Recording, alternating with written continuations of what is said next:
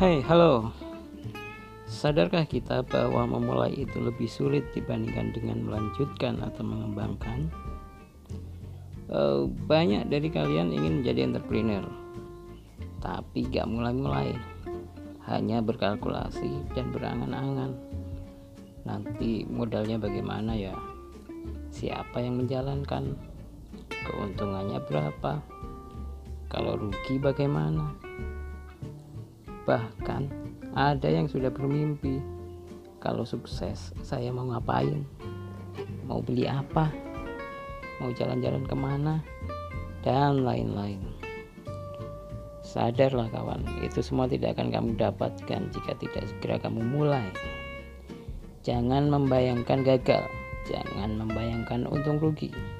Karena niscaya hal itu pasti akan datang menghampiri usahamu jalani saja dan juga hadapi.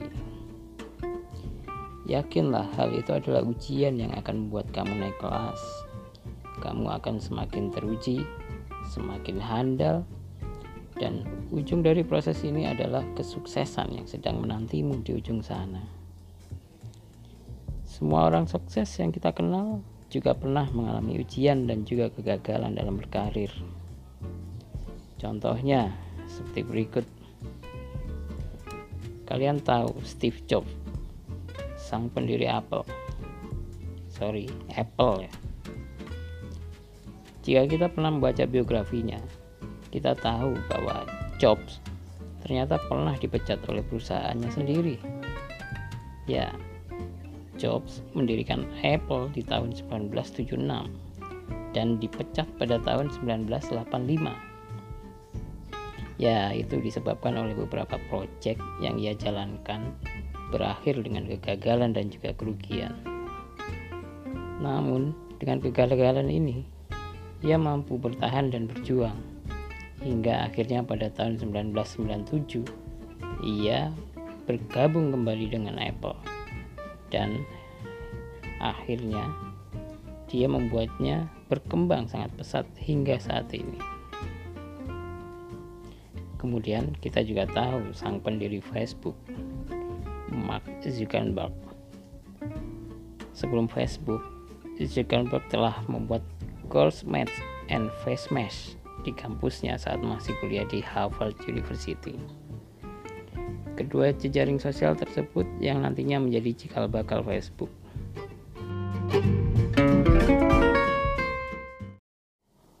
Namun, Zuckerberg juga pernah hampir di DO oleh kampusnya karena kenakalannya sendiri dalam mengembangkan face mask.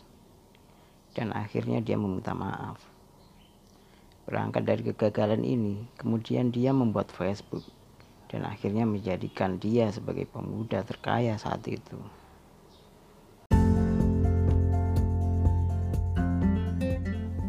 Nah, kalau di Indonesia kita memiliki sosok entrepreneur ikonik yaitu almarhum Sadino.